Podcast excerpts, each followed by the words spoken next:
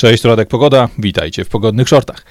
Kampania wyborcza kończy nam się, za dwa tygodnie wybory, czy tam za dwa tygodnie z małym ogonkiem i wszyscy nakręcają spiralę na maksa, wszyscy pompują ile się da, wszyscy urządzili sobie wyścig na socjalistyczne hasła. Poza wyjątkami takimi jak choćby Konfederacja, większość partii gra nam już na totalu. Tematy związane właśnie z tym, aby nas oczarować swoją socjalistyczną wizją, no i tu nie ma specjalnie wielkiej różnicy, bo w tym wyścigu wszyscy biorą udział. I jeżeli na przykład PiS obiecuje, że zamiast 500 na rękę na dzieciaka będzie dawał tych złotych 800, to Platforma najpierw mówiła, że nie 800, tylko dadzą 1000, a potem któryś z panów szanownych z Platformy, już nawet nie pamiętam, powiedział jasno, ile by PiS nie dał, my i tak damy wam więcej.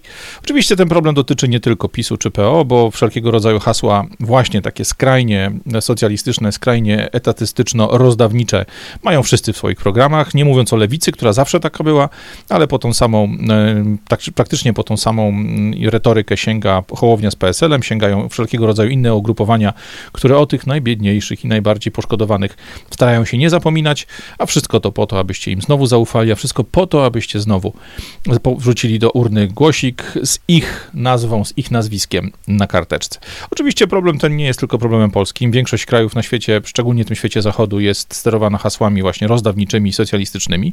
Natomiast to jest bardzo ciekawe, kiedy w różnego rodzaju debatach, kiedy w różnego rodzaju rozmowach toczonych z dziennikarzami, w wywiadach, jakichś e, wywiadach rzekach, przy wszelkiego rodzaju e, tworzeniu treści wyborczych, takiemu politykowi, który obiecuje to rozdawnictwo, ten socjalistyczny sposób podchodzenia do pieniędzy państwowych, do pieniędzy publicznych, bardzo często okazuje się, że ci ludzie nie mówią o bardzo licznych przykładach upadków krajów socjalistycznych, no bo nie się, mamy za sobą spektakularny upadek całego bloku wschodniego, czyli tego wszelkiego rodzaju państw związanych z dawnym RWPG, Radą Wzajemnej Pomocy Gospodarczej. Jeśli ktoś żył w latach 80., to pamięta.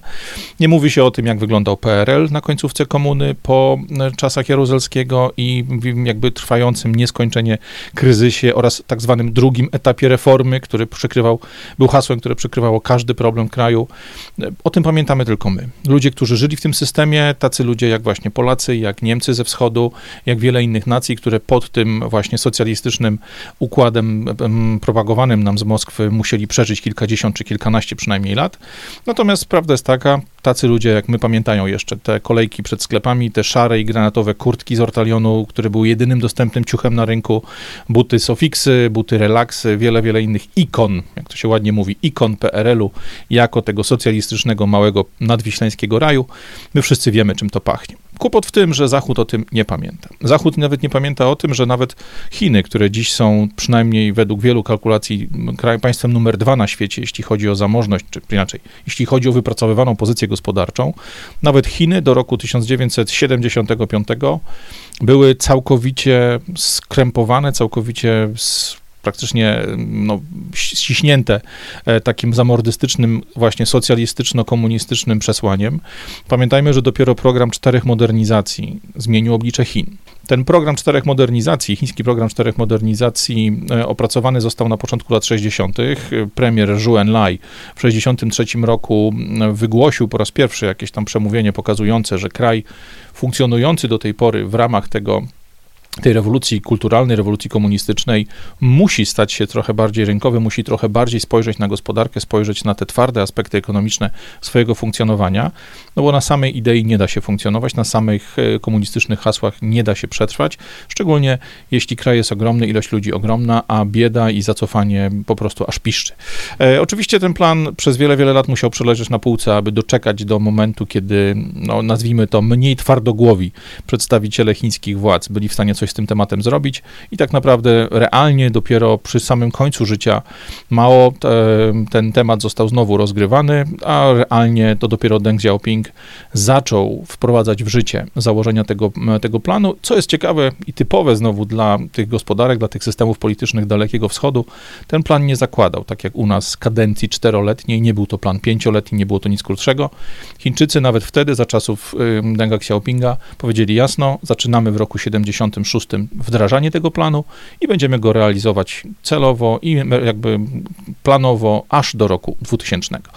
Jak to się przełożyło na chińską pozycję gospodarczą, jak to się przełożyło na standard życia chińskich obywateli, co sprawiło, jakby co się stało z tą komunistyczną gospodarką, jak mocno ich życie się odmieniło, widzimy dzisiaj, spotykając chińskich turystów praktycznie w każdym miejscu na świecie, w które byśmy się udali. Natomiast mało osób na świecie pamięta, że do lat właśnie połowy lat 70. Chiny były tak samo zabiedzonym, tak samo katastrofalnym stanie, jak dzisiaj Korea Północna, jak dzisiaj Kuba, czy choćby najświeższa ofiara socjalistycznego snu Wenezuela. Wenezuelę ludzie tacy jak Bernie Sanders, jak właśnie polscy socjaliści, komuniści pokazywali jako przykład tego kraju, który może być cudownym miejscem na ziemi dla zwykłego człowieka, bo państwo we wszystkim pomaga.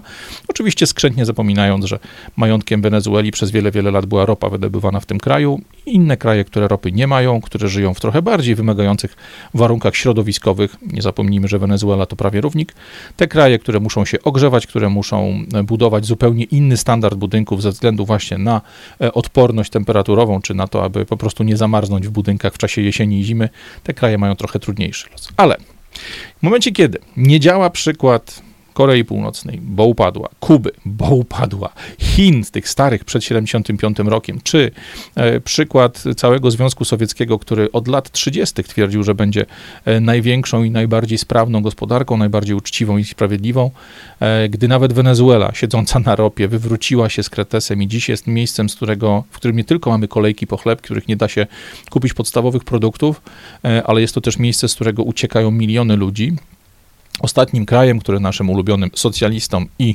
komunistom został, aby pokazywać go jako właśnie ten socjalistyczny raj, jest oczywiście Szwecja. I tu pojawia się kłopot. Kłopot w tym, że owszem, Szwecja jest krajem, który w swojej historii był zarówno socjalistyczny, jak i bardzo bogaty, Kłopot tylko w tym, że nigdy w tym samym czasie. Ale przejdźmy do szczegółów. E, do nagrania tego materiału zainspirował mnie Johan Norberg. To jest historyk, który jest Szwedem funkcjonującym bardzo dobrze w literaturze, w tym świecie, powiedzmy, publicystycznym praktycznie całego świata. E, napisał on kiedyś taką fajną książkę, którą można nawet do dzisiaj za darmo ściągnąć z internetu w formie PDF-a, e, której tytuł można przetłumaczyć na Miraż szwedzkiego socjalizmu. I tak naprawdę Norberg omawia, bardzo wiele szczegółów, które za, za chwilę się z, niej, z wami podzielę, natomiast otwiera to wszystko takim pięknym stwierdzeniem, e, które mm, skojarzy mi się, ponieważ słyszałem je kilka razy w formie żartu, na różnego rodzaju spotkaniach czy imprezach, a mianowicie odpowiada na pytanie, jak zdobyć małą fortunkę. Taką wiecie, żeby się dało z tego dobrze żyć, żeby zdało się z tego luźno i sympatycznie funkcjonować. Taki mała kasa luźnego Ryszarda. Odpowiedź Johana jest bardzo prosta. Jeśli chcesz zdobyć małą fortunkę, to najpierw musisz mieć fortunę wielką, a potem roztrwonić ją tak, aby została ci mała fortunka. I to jest doskonała E, parafraza to jest doskonałe pokazanie tego, co wydarzyło się ze Szwecją, w jaki sposób ten socjalistyczny cud, który Szwecja przeżywała w latach 60., 70., nawet 80., był realny. De facto Szwecja przez te wszystkie lata swojego socjalistycznego zadęcia po prostu roztrwaniała pieniądze, roztrwaniała majątek, który został wytworzony znacznie, znacznie wcześniej. Popatrzmy zatem chwilę, przez chwilkę na to, skąd ten majątek Szwecji się wziął, w jaki sposób Szwedom udało się tak pięknie funkcjonować, zbudować tak ogromny kapitał, bo pamiętajmy, Szwecja jeszcze na początku lat 60. była czwartą lub piątą gospodarką światową, była jednym z najmocniejszych krajów na świecie, jeśli chodzi o poziom gospodarki, o poziom przemysłu, o poziom dochodów, ludzi, którzy w niej mieszkali, to naprawdę było miejsce, gdzie żyło się fantastycznie. Natomiast przy powodów takiego stanu E, jest wiele, a one wszystkie w dużym stopniu zamykają się w dwóch okresach. Przede wszystkim w czasach tak zwanej Wielkiej Depresji, czyli w latach 29-31, kiedy praktycznie cały zachodni świat pogrążył się w całkowitej katastrofie ekonomicznej. Ten czas Szwecji, Szwedzi przeżyli bardzo dobrze, a później podskoczyli jeszcze o parę stopni wyżej na drabinie światowego sukcesu w latach II wojny światowej. Ale wróćmy do tego pierwszego okresu. Wielka depresja rozpoczęła się oczywiście od wydarzeń na nowojorskiej giełdzie w roku 2000, 1929. E, wtedy to okazało się, że bardzo wiele wskaźników ekonomicznych jest nic nie warte. Giełda poleciała w dół, bardzo wiele firm zbankrutowało, zbankrutowały fundusze inwestycyjne, zbankrutowały banki. Ogromny problem finansowy w skali całego praktycznie świata. I tu Szwedzi zachowali się bardzo racjonalnie, bo widząc, że kryzys gospodarczy, kryzys finansowy nie dotyczy tylko rynku amerykańskiego, ale on rozlewa się coraz szerzej po świecie, szwedzkie rządy, które w tamtych latach panowały, które w tamtych latach funkcjonowały, podjęły bardzo ważne decyzje. Decyzje związane z tym, żeby przede wszystkim utrzymać płynność gospodarki, utrzymać płynność firm, utrzymać to, żeby cały czas pieniądz w gospodarce krążył, żeby ludzi było stać na zakup pewnych produktów produkowanych lokalnie w Szwecji, żeby to wszystko mogło się samo nakręcać.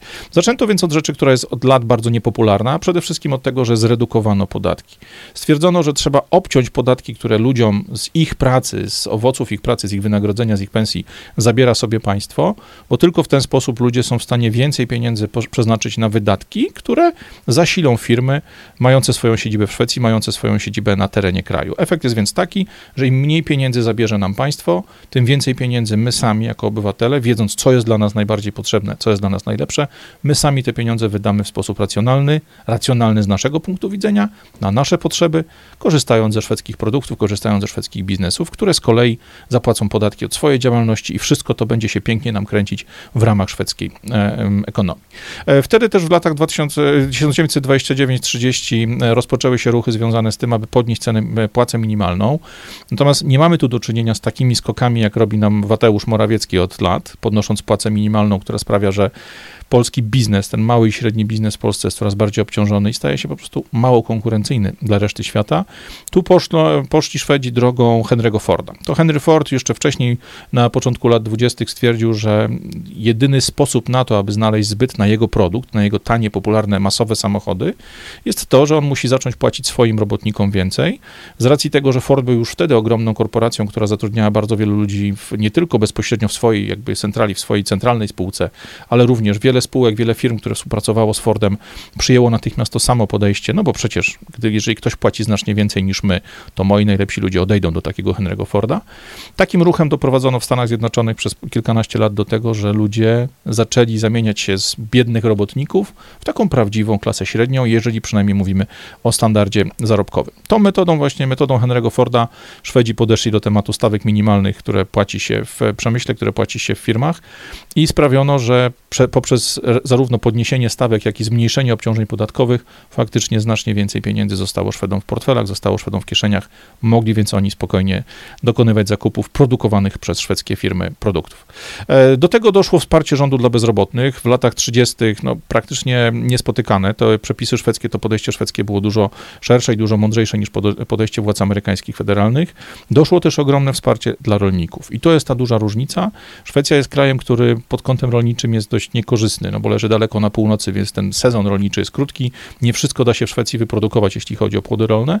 Natomiast mimo tego, że jest to sektor gospodarki dla Szwecji absolutnie niekluczowy, bo Szwecja stoi głównie przemysłem, to stwierdzono, że muszą mieć Szwedzi własną żywność, muszą mieć własne rolnictwo, bo bez tego kraj staje się zależny od kursów walut, staje się zależny od dróg transportowych, od wszelkiego rodzaju szlaków morskich, aby importować żywność. Stwierdzono więc, ok, oprócz robotnika dbamy też o farmera, dbamy też o małego rolnika, bo bez niego po prostu gospodarka nie przetrwa. I co jest bardzo ważne, te wszystkie elementy nie były skupione tylko i wyłącznie na pracownikach, nie były skupione tylko i wyłącznie na ludziach, którzy pracują jakichś tam firmach, bo szwedzki rząd zrozumiał, że żeby utrzymać dynamikę gospodarki, trzeba też zadbać o same firmy, o samych przedsiębiorców, o ludzi, którzy tworzą te biznesy. Natomiast nie tylko o największe korporacje światowe, tak jak dziś, e, czy właściwie od lat robią polskie rządy, sprawiając, że T-Mobile w Polsce płaci mniej podatku niż ja zapłaciłem w zeszłym roku. Natomiast zadbano e, o biznes, zarówno ten średni, jak i biznes bardzo duży, dając jasną informację. Jeżeli osiągacie zyski na swojej pracy, jeżeli osiągacie zyski na swoich firmach, na swojej produkcji, na swojej sprzedaży, bo my jako rząd zrobiliśmy wszystko, żeby pracownik miał jak najmniej pieniędzy zabieranych w podatkach, a jego stawka minimalnego wynagrodzenia była jak najwyższa, to wy również możecie z tego skorzystać, ale pod jednym warunkiem, jeżeli zyski waszej firmy zostaną przeznaczone na rozwój firmy albo na jej powiększanie, na to zdobywanie coraz lepszej pozycji eksportowej, coraz lepszej pozycji również na rynku rodzimym, ale będziecie pompowali te zyski w rozwój firmy, w tym momencie my jako rząd rezygnujemy z pobierania podatku od właśnie firm, podatku CIT. Możecie za te pieniądze rozwijać swój biznes, wzmacniać go, stabilizować, tak żeby firmy, firmy szwedzkie rosły w siłę, żebyśmy byli jak najmocniejsi. Jak to się przełożyło na rzeczywistość? No oczywiście w latach Wielkiej Depresji również szwedzka ekonomia spadła, również szwedzka ekonomia ekonomia podupadła w jakimś tam stopniu, ale ten spadek był nie tylko niższy, mniejszy niż spadek wielu innych ekonomii w tym samym czasie, ale przede wszystkim on znacznie szybciej się skończył. To znaczy, znacznie szybciej Szwedzi zaczęli odbudowywać swoją pozycję, zaczęli odbudowywać swój biznes, tą sprawność gospodarki, podczas gdy inne gospodarki światowe jeszcze ciągle z tymi skutkami wielkiego kryzysu się zmagały. Efekt był więc taki, że w lata 30. Szwedzi weszli, weszli na już rozpędzonej lokomotywie, na już rozpędzonym e, mechanizmie gospodarczym, a gdy rozpoczęła się w 1939 roku druga wojna światowa, rozpoczęła się druga absolutnie kluczowa dla pochodzenia Szwecji epoka wielkiego prosperity.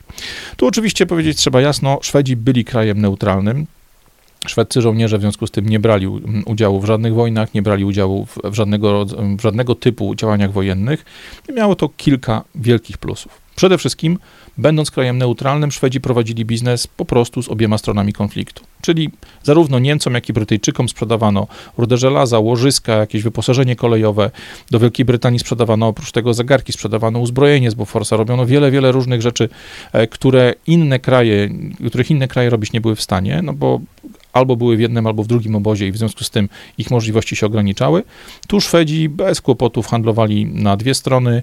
E, oczywiście wiążą się z tym mniej szczytne, mniej eleganckie karty szwedzkiej historii, tak jak dość mocny ruch nazistowski e, na miejscu w Szwecji. E, na ten temat pewnie trzeba by pogadać z jakimiś historykami, którzy głębiej w tym siedzą niż ja. Natomiast jeśli skupimy się tylko na efektach ekonomicznych w skali kraju, albo efektach ekonomicznych w skali pojedynczej rodziny, pojedynczego człowieka, to lata II wojny światowej były dla Szwecji absolutnie fantastycznym czasem. A poza tym, jeżeli jesteśmy krajem neutralnym, jeżeli nasze fabryki, jeżeli nasz przemysł, nasze rolnictwo dostarcza swoje produkty obu stronom konfliktu, no to też obie strony konfliktu traktują nas jako ten teren jako ten naród, którego nie ruszamy. Dlatego w roku 1945, kiedy Niemcy były zburzone, kiedy Polska została zburzona, kiedy większość zakładów przemysłowych, na przykład na terenie Wielkiej Brytanii, tam gdzie sięgał zasięg e, niemieckich bombowców, była w jakimś stopniu uszkodzone, Szwedzi mieli kraj, który został przechowany przez wojnę nie tylko w stanie nienaruszonym, no bo żadna bomba na Szwecję nie spadła, ale również nie wymordowano Szwedom pracowników, tych pracowników, którzy byli mężczyznami w średnim wieku o największym doświadczeniu, o największych umiejętnościach i nie, nie wymordowano też Szwedom pracowników młodych, ludzi, którzy mieli 20, 25, 30 lat, mieli więc Szwedzi jako jedyni po II wojnie światowej luksus posiadania ogromnej siły roboczej złożonej z doświadczonych pracowników, z ludzi, którzy mogli rozwijać swoje umiejętności, którzy mogli rozwijać swoją, swoją skuteczność, swoją sprawność przez całe te sześć lat, e, przez które reszta świata pogrążona była w wojennym chaosie. Jaki był z tego rezultat? No, no był taki, że tak naprawdę w roku 1950, czyli te powiedzmy pięć lat po zakończeniu działań wojennych II wojny światowej, Szwedzi byli krajem numer cztery na świecie, jeśli chodzi o zamożność, jeśli chodzi o wielkość gospodarki. Numerem czwartym w, w tym roku 1950, przez to, że to właśnie gospodarka była od 1929 roku tym kluczem, tym kluczowym elementem, na którym skupiał się rząd, Rząd dbał o to, aby firmy miały jak najlepsze warunki do rozwoju, nie blokując, nie regulując specjalnie e, samego procesu sprzedaży, sprzedażowego wszystkich procesów ekonomicznych. Efekt jest więc taki, że nawet w, w rankingach najbardziej wolnych pod, pod względem gospodarczych, pod względem gospodarczym e, gospodarek świata, Szwecja była numerem piątym. No to chyba najlepiej pokazuje, jak wysoko Szwedzi wylądowali. I teraz można więc powiedzieć, że okej, okay, ale to były lata, kiedy Szwedzi byli bardzo bogaci, kiedy mieli tą super wysoką pozycję, zarówno jako kraj, jak i firmy, jak i pracownicy tych firm. No to co się stało później? Dlaczego tu w ogóle mowa o socjalizmie, skoro przecież do cholery jasnej e, to, o czym mówisz, w żaden sposób nie przypomina socjalizmu. No i to jest właśnie ten element, o którym bardzo często zapominają politycy, którzy karmią nas tym masłem maślanym, tą kiełbasą wyborczą opowiadającą o szwedzkim socjalistycznym raju, bo oni zapominają właśnie o tym, że moment, w którym kraj stał się bogaty, to to bogactwo nie pochodziło z socjalizmu. To bogactwo pochodziło z twardego kapitalizmu, z twardego kapitalistycznego, typowo otwartego rynku, wolności e, przemysłowej, wolności handlowej, wolności po prostu prowadzenia gospodarki czy prowadzenia biznesu, jak tylko sobie tego życzymy. A skąd w takim razie mit o szwedzkim socjalizmie? No właśnie z 20 lat, które Szwedzi nazywają latami straconymi. Mówimy tu o okresie od mniej więcej roku 60 do powiedzmy lat 80., choć e, tutaj daty konkretne trzeba by e, pewnie, o daty konkretne trzeba by się pokłócić, szczególnie ze znawcami tematu. Natomiast to jest ten, te lata 60., 70. i 80. przede wszystkim to są lata, które można powiedzieć jako taka równia pochyła. Efekt jest taki, że robi, zrobił się poważny problem z tym, jak gospodarka szwedzka funkcjonuje. Kraj w roku 60 był tak bogaty, był tak sprawny, tak skuteczny, ta cała machina gospodarcza funkcjonowała tak dobrze, że politycy zaczęli się czuć uprawnieni do tego, że w sumie można by się tym dobrobytem z ludźmi podzielić. No oczywiście podzielić się nie za darmo, tylko w zamian za głos wyborczy. Zaczęła się więc ponad 20-letnia, czy prawie 30-letnia strategia rozdawania wszystkiego, co wypracowały poprzednie pokolenia, co wypracowało poprzednie lata.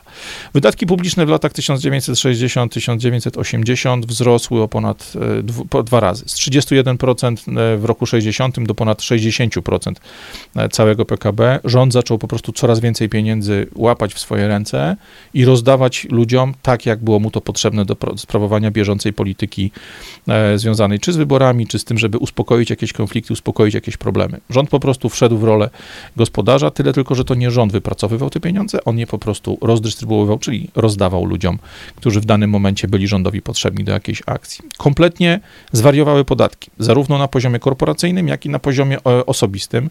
E, I efektem tego było to, że zaczęli ze Szwecji masowo uciekać najbogatsi ludzie i najbogatsze przedsiębiorstwa.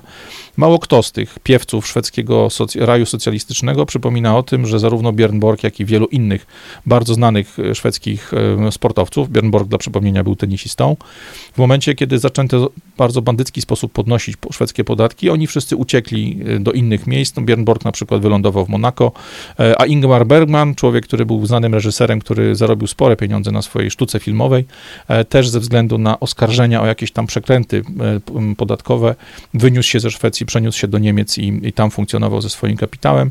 Jak popatrzymy sobie na listę szwedzkich aktorów, na listę szwedzkich e, gwiazd najróżniejszego poziomu, najróżniejszego formatu, wielu, wielu z nich naprawdę wybrało albo całkowite przeniesienie się do innego kraju, albo przynajmniej przeniesienie swoich inwestycji, przeniesienie swojego majątku do takich właśnie miejsc jak Bahamy, do takich właśnie miejsc jak Monako, czy jakieś inne bardzo przyjazne kraje, jak na przykład Luksemburg, czy parę innych w Europie. To samo zrobiły firmy. I tu znowu mało który z tych piepców szwedzkiego cudu gospodarczego, cudu socjalistycznego przypomina o tym, że nawet IKEA nie jest już spółką zarejestrowaną w Szwecji, bo główne podatki korporacyjne IKEA właśnie od lat tego szoku y, socjalistycznego, tego wariatkiego podniesienia podatków, nawet IKEA wyniosła się ze Szwecji i swoją działalność prowadziła z Holandii. To samo dotyczyło Tetra Pak, firmy, której zawdzięczamy papierowe czy tam papierowo-foliowe opakowania na wszelkiego rodzaju produkty.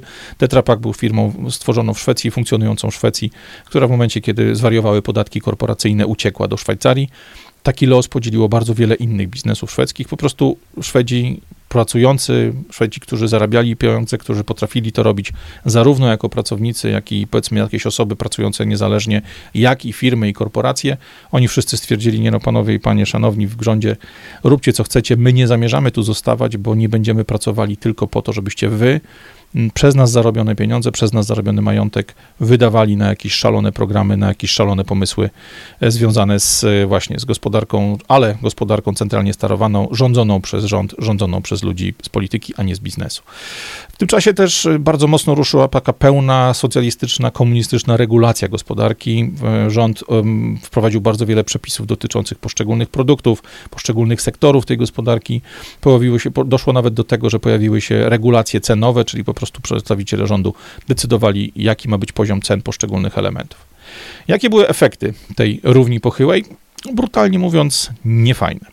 E, jeżeli jeszcze w roku 1970, bazując na tym rozpędzie, na tym rozpędzonej gospodarce szwedzkiej, e, Szwecja miała dochód na głowę pojedynczego mieszkańca o 10% wyższy niż średnia w krajach G7, była po prostu tutaj absolutnym prymusem, o tyle w roku 1995, po całym tym okresie niekorzystnych socjalistycznych zmian, zanim się ten kraj zaczął znowu podnosić na nogi, w 1995 roku ten dochód średni na głowę mieszkańca był o znowu ponad 10% niższy niż reszta krajów G7. Doprowadziło to wręcz do wykształcenia się całego pokolenia, które miało kompletnie nierealistyczne, kompletnie zepsute przez tą socjalistyczno-komunistyczno-bolszewickie podejście, e, wizję świata, e, bo tak naprawdę przez to, że jak wiele zostało wprowadzonych programów pomocowych, programów socjalnych, przez to, jak dobrze byli wynagradzani ludzie, którzy nie mieli pracy, którzy nie mogli sobie w życiu poradzić i państwo stwierdziło, że wejdzie w rolę tego, tego ojca, tej matki i będą, będzie im pomagać za wszelką cenę, doszło do sytuacji, że przez te 20-25 lat właśnie tego socjalistycznego wariactwa w Szwecji wykształciło się pokolenie ludzi, którzy mówili wprost, jeżeli pracuję, to muszę płacić kolosalne podatki, tak jak Björn Borg, tak jak Ingmar Bergman, po co pracować, bo będzie państwo ze mnie darło kasę. Zamiast tego wolę więc nie pracować, wolę być na bezrobociu, wolę dostać od państwa za darmo przedszkole czy szkołę dla moich dzieci, dopłatę do mieszkania, dopłatę do zakupów, jakieś e, kupony, talony inne rzeczy, które sprawiają, że mogę przeżyć, że moja rodzina na jakimś tam poziomie może funkcjonować. Po co pracować, jak tak samo dobrze albo niewiele gorzej żyje się właśnie na zasiłku, żyje się w systemie, czy właściwie poza systemem standardowym. E, Gunnar Myrdal, facet, który bardzo mądrze pisał i analizował ten szwedzki, tą szwedzką sytuację w latach 70., 80., powiedział wprost, stworzyliśmy populację oszustów. Stworzyliśmy populację ludzi, którzy przez te 20-25 lat nauczyli się oszukiwać i to oszustwo było dla nich sposobem na życie, było dla nich sposobem na to, żeby jak najskuteczniej, jak najwygodniej przetrwać sobie, przeżyć sobie na następny miesiąc czy następny tydzień. E, wychodziło to zresztą bardzo mocno w ankietach, które prowadzili e, szwedzcy psychologowie, które prowadziły firmy, które badały, czy organizacje, które badały szwedzką gospodarkę, szwedzki rynek.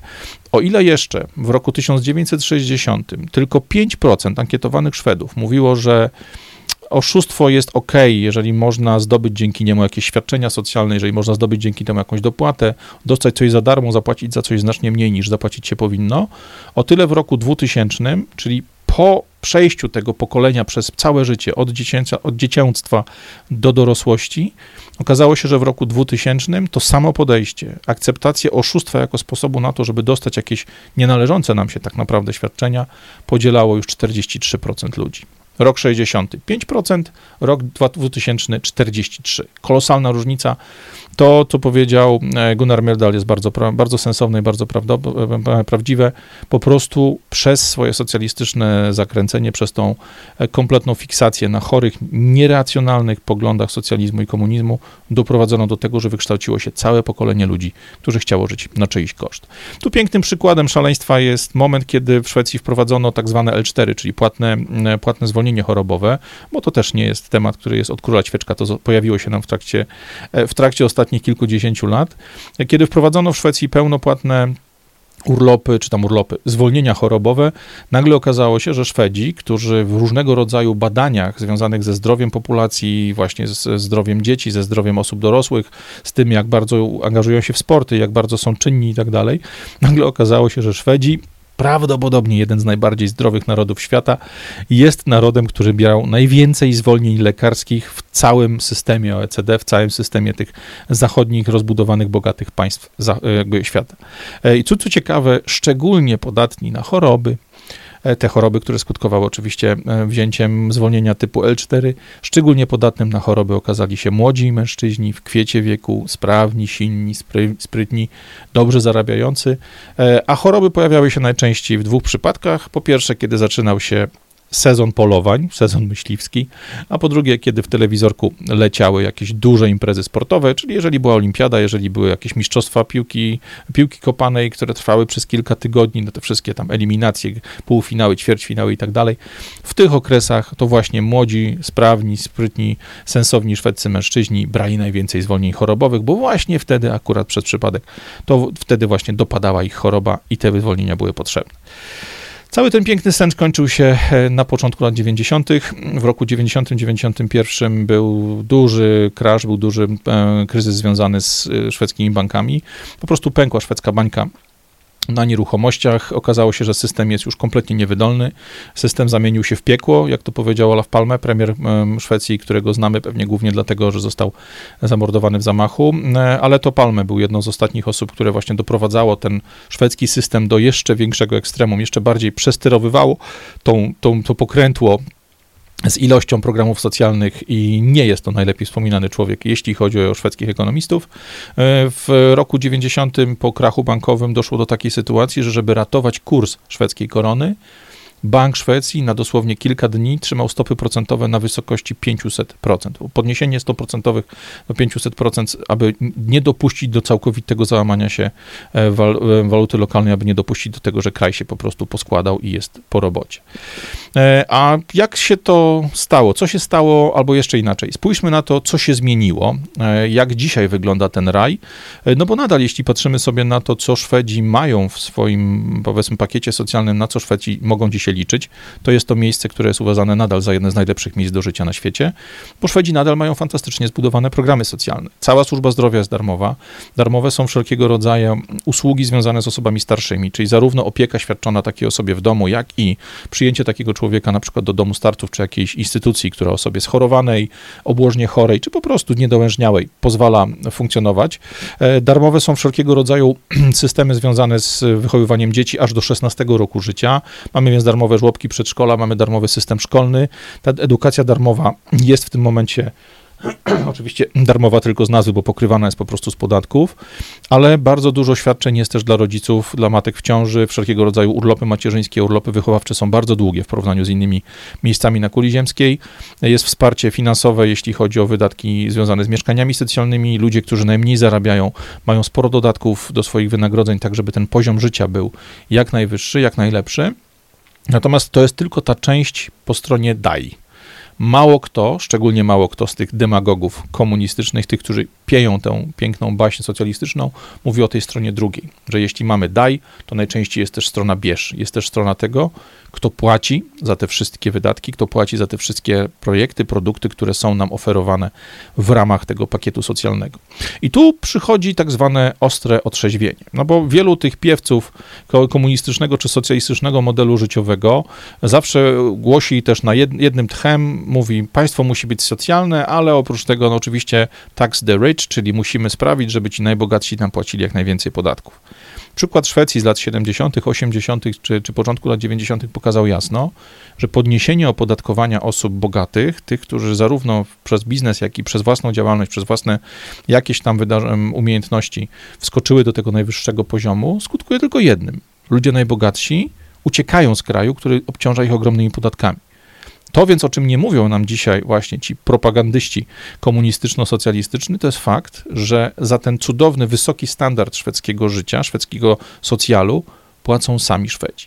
I tu tak naprawdę można by oczywiście pójść w te rozmowy na temat tego, że to jest drugi co do wysokości obciążeń podatkowych pojedynczego człowieka, zwykłego człowieka, takiego jak ja czy wy, kraj na świecie. Numerem jeden jest Aruba. Jeśli wiecie, gdzie Aruba leży, to w ogóle sukces, no ale mamy porównanie kraju ogromnego i z niemałą populacją, takiego jak Szwecja, z maleńką wysepką, z maleńkim kraikiem, gdzieś tam na końcu świata. Poszukajcie, zobaczcie, gdzie Aruba leży.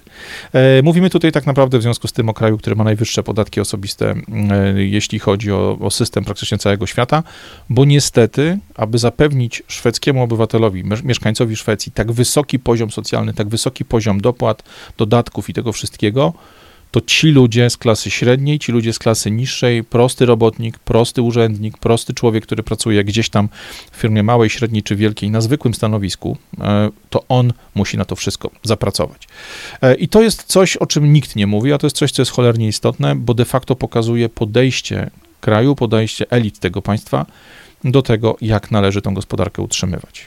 Układ jest brutalnie prosty. Ludzi z klasy średniej, ludzi nisko zarabiających nie stać na doradców podatkowych, oni nie uciekną do Monako, bo nie mają z czym, nikt ich tam nie przyjmie, oni nie przeniosą swoich aktywów na Bahamy, oni nie kupią sobie jakiegoś biznesowego, inwestycyjnego projektu gdzieś na drugim końcu świata, bo oni zarabiają na tyle dużo, żeby w tym socjalistycznym, w cudzysłowie socjalistycznym raju funkcjonować i korzystać z tych wszelkich dobrodziejstw, ale zbyt mało, żeby się stamtąd wynieść, zbyt mało, aby schować swoje pieniądze gdziekolwiek na zewnątrz. Efekt jest więc taki, że ci ludzie płacą bardzo wysoki VAT, aż 25%, mówiąc aż, porównuje się z Niemcami, a nie z Polską, która ma już tymczasowo na 3 lata, 10 lat temu wprowadzony VAT 23. Jak policzymy wszelkie, wszelkie koszty podatkowe związane z funkcjonowaniem zwykłego pracownika, zwykłego człowieka, który pracuje na etacie lub w jakiejś tam mniejszej czy większej firmie, to te koszty podatków osobistych sięgają 56-57%. I jeśli spojrzymy sobie na zestawienia systemów podatkowych, to OECD na przykład o, o, mówi wprost, Jesteście krajem o jak naj, jednym z najwyższych poziomów standardu tych usług socjalnych na świecie, ale również jesteście systemem podatkowym. Szwecja jest systemem podatkowym, jest jednym z najmniej progresywnych, ponieważ układ jest prosty, dostajesz dużo pieniędzy z naszego systemu podatkowego, z systemu państwowego, gdy jesteś bardzo młody, czyli jesteś dzieckiem i bardzo stary, kiedy już nie możesz pracować, ale w tych całych latach pomiędzy, kiedy jesteś produktywny, kiedy jesteś po prostu pracownikiem albo prowadzisz jakiś biznes, przez te całe lata między twoim dzieciństwem a twoją starością musisz zapracować na to wszystko, co dostają w tym momencie twoje dzieci albo w tym momencie dostają twoi rodzice. I ludzie, którzy przychodzą po tobie, też muszą pracować na ciebie, który jesteś, kiedy jesteś już starcem i na swoje dzieciaki. To jest podejście, które, o którym nikt nie mówi, bo ono jest cholernie niewygodne, a jest to jedyne racjonalne i sensowne podejście, jakie można sobie wyobrazić. Po prostu tylko ludzie biedni, czy tam biedni, zarabiający najmniej i ludzie z klasy średniej są jedynymi pewnymi płatnikami podatków do kasy państwa. Bogaci zwieją, ci, którzy pracują na szaro, na czarno, którzy kombinują, nie płacą zwykle podatków w ogóle. Jedyne, co z ich, z ich strony do kasy państwa wpłada, to te podatki, które są pobierane z ich zakupów żywnościowych, ubierań, transportu, energii itd., itd., itd. Efekt więc, podsumowując, to jest bardzo prosty. Owszem, Szwedzi mają raj, mają pewnego rodzaju tą luksusową, wyjątkową sytuację, jeśli chodzi o poziom standardu socjalnego swojego państwa, ale sami za ten raj płacą. Płacą przez całe życie, co miesiąc buląc ogromną kwotę w podatkach, którą później państwo przeznacza na usługi, z których mogą korzystać jako, jakby ich dzieci oraz ich rodzice, albo oni sami na etapie emerytalnym. Efekt jest więc e, brutalnie prosty. Mamy rozjazd tego komunikatu mówiącego o tym szwedzkim komunistycznym, socjalistycznym raju z realiami. Co więcej, e, Szwecja, żeby ten status osiągnąć, musiała sięgnąć po rzecz, która pewnie w Polsce, a szczególnie w takich partiach jak PiS czy PO, które żyją, czy PSL również, które żyją tylko po to, aby swoimi ludźmi obsadzić spółki Skarbu Państwa, e, gdyby oni mieli przeprowadzić tutaj szwedzki model biznesowy, pewnie wszyscy płakaliby po kątach albo chlali na zabój, bo w Szwedzi ponad 90% firm, które które były wcześniej państwowe, po prostu sprywatyzowali, wypchnęli w prywatne ręce, wychodząc z założenia, że tylko prywatny właściciel jest w stanie zapewnić jak najwyższą mm, efektywność firmy, jest, są w stanie zapewnić jak najwyższą skuteczność i sprawność. Jest też mocno regresywny system podatkowy, o którym już trochę mówiliśmy, czyli bardzo dużo podatków jest płaskich, jest, jest równych, a przez to te, jakby obciążenie tymi podatkami staje się większe dla osób mało zarabiających niż dla bogaczy. No efekt jest też taki, że e, to wszystko sprawia właśnie, że to właśnie klasa średnia, ta klasa e, osób mniej zarabiających utrzymuje cały ten projekt. Ale to, co jest kluczem, moim zdaniem, w systemie szwedzkim, to jest podejście do wolności gospodarczej. Szwedzi po tym błędach lat 60., 70., 80. bardzo mocno, wyrzu- bardzo dużą ilość regulacji rynku, regulacji związanych zarówno z tym, jak się da zatrudniać ludzi, czyli systemem właśnie społecznym, systemem pracy, te, bardzo dużo tych regulacji wyrzucili ze swojego prawodawstwa, u, u, jakby uwolnili handel, uwolnili praktycznie bardzo wiele zawodów, które wcześniej w latach 80., 70.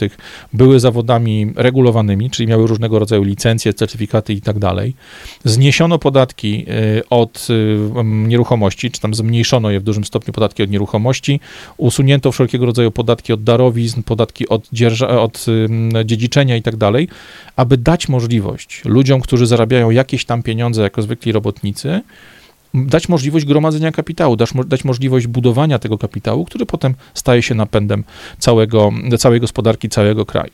E, tak naprawdę ścięcie podatków dla firm sprawiło, że firmy zaczęły znowu w Szwecji nie tylko powstawać, ale one również dzisiaj mogą sobie pozwolić na zatrudnianie pracowników, bardzo wysoko opłacanych pracowników, mogą sobie pozwolić na rozwój, mogą sobie pozwolić na to, aby funkcjonować na tym nowym, zglobalizowanym rynku. Więc jeśli popatrzymy sobie na to, jak ta Szwecja dzisiaj się prezentuje, jak ta Szwecja dzisiaj wygląda e, pod kątem bycia gospodarką socjalistyczną, czy rządzenia się w socjalistyczny sposób, to mówiąc szczerze, jeśli tak wygląda socjalizm z wolnością gospodarczą, z podatkami, które są jakby odbierane od ciebie i dawane ci z powrotem na twoje stare lata albo twoim dzieciom, jeśli popatrzymy na wolność związaną właśnie z możliwością prowadzenia biznesu, z handlem, z tym wszystkim, jeśli tak ma wyglądać socjalizm, to mówcie mi towarzyszu, ja też taki system chcę od jutra w Polsce. Jak to się przekłada więc na rzeczywistość, już finiszując? E, mamy wyniki bardzo ciekawej ankiety. E, w roku 2020 tę ankietę przeprowadzono e, i pytanie zadane było bardzo proste jak patrzysz na socjalizm jako na ustrój, jako na system społeczny? To, pytano zadano, to pytanie zadano w bardzo wielu krajach na świecie. Ja bym chciał pokazać tylko trzy elementy. E, też w ramach tych pytań pytano o orientację polityczną w między, jakby w ramach danego państwa. I teraz w Stanach Zjednoczonych, kraju, który nigdy nie poczuł tego, jak socjalizm naprawdę wygląda, ilość osób, które powiedziały, że mają pozytywne spojrzenie na socjalizm, które uznają, że socjalizm to jest wartościowy, pozytywny, taki dobry system e, polityczny, system gospodarczy, aż 42% Amerykanów, łącznie w badaniu, powiedziała, że socjalizm jest ok, że jest to pozytywny system, system, na który oni pozytywnie patrzą. Jeśli chodzi o samych republikanów, czyli tych najbardziej, kon, powiedzmy, konserwatywnych wyborców, tych ludzi, którzy najbardziej trzymają się zasad wolnego handlu, zasad wolnej konkurencji, tego, że państwo nie powinno być zbyt duże, że, że biurokracji nie powinno być zbyt wiele, że państwo nie powinno się wpieprzać w każdy detal naszego życia, nawet wśród republikanów, najbardziej konserwatywnych, z konserwatywnych amerykańskich ankietowanych obywateli, aż 15% z nich powiedziało, że socjalizm jest ok, że oni mają pozytywny, pozytywne spojrzenie na socjalizm. Jak zadacie sobie pytanie, ile procent Szwedów odpowiedziało, że mają pozytywne spojrzenie na socjalizm, to się zdziwicie.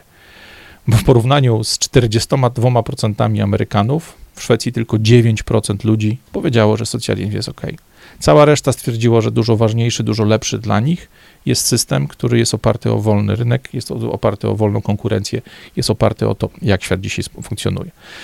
Wychodzi więc z tego taki prosty wniosek, który nieraz już się w naszych rozmowach pojawił, że prawda jest taka, że socjalizmu pragną i do socjalizmu wzdychają tylko ci, którzy nigdy w nim nie żyli, tylko ci, którzy nigdy go nie spróbowali.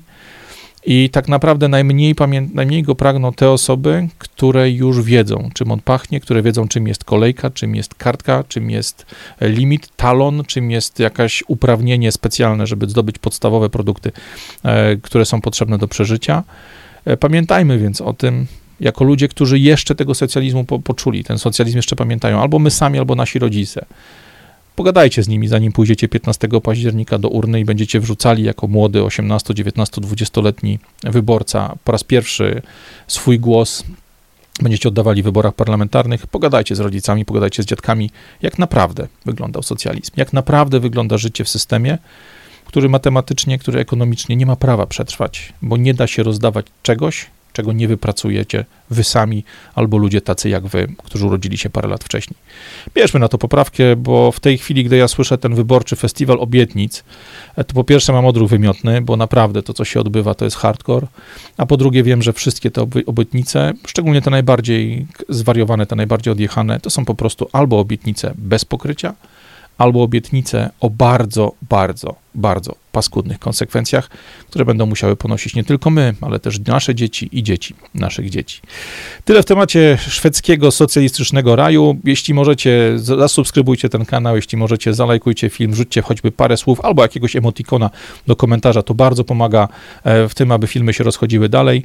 Wejdźcie też proszę i zostawcie swój adres mailowy na liście adresowej, dzięki której będziecie dostawali powiadomienia o tym, że nowe filmy się pojawią, bo gdyby coś ciężkiego spadło na głowę tego kanału, gdyby spadł z rowerka pod wpływem e, tej cenzury, której YouTube nie potrafi powstrzymać, e, bo oczywiście to nie oni, oni są grzeczni.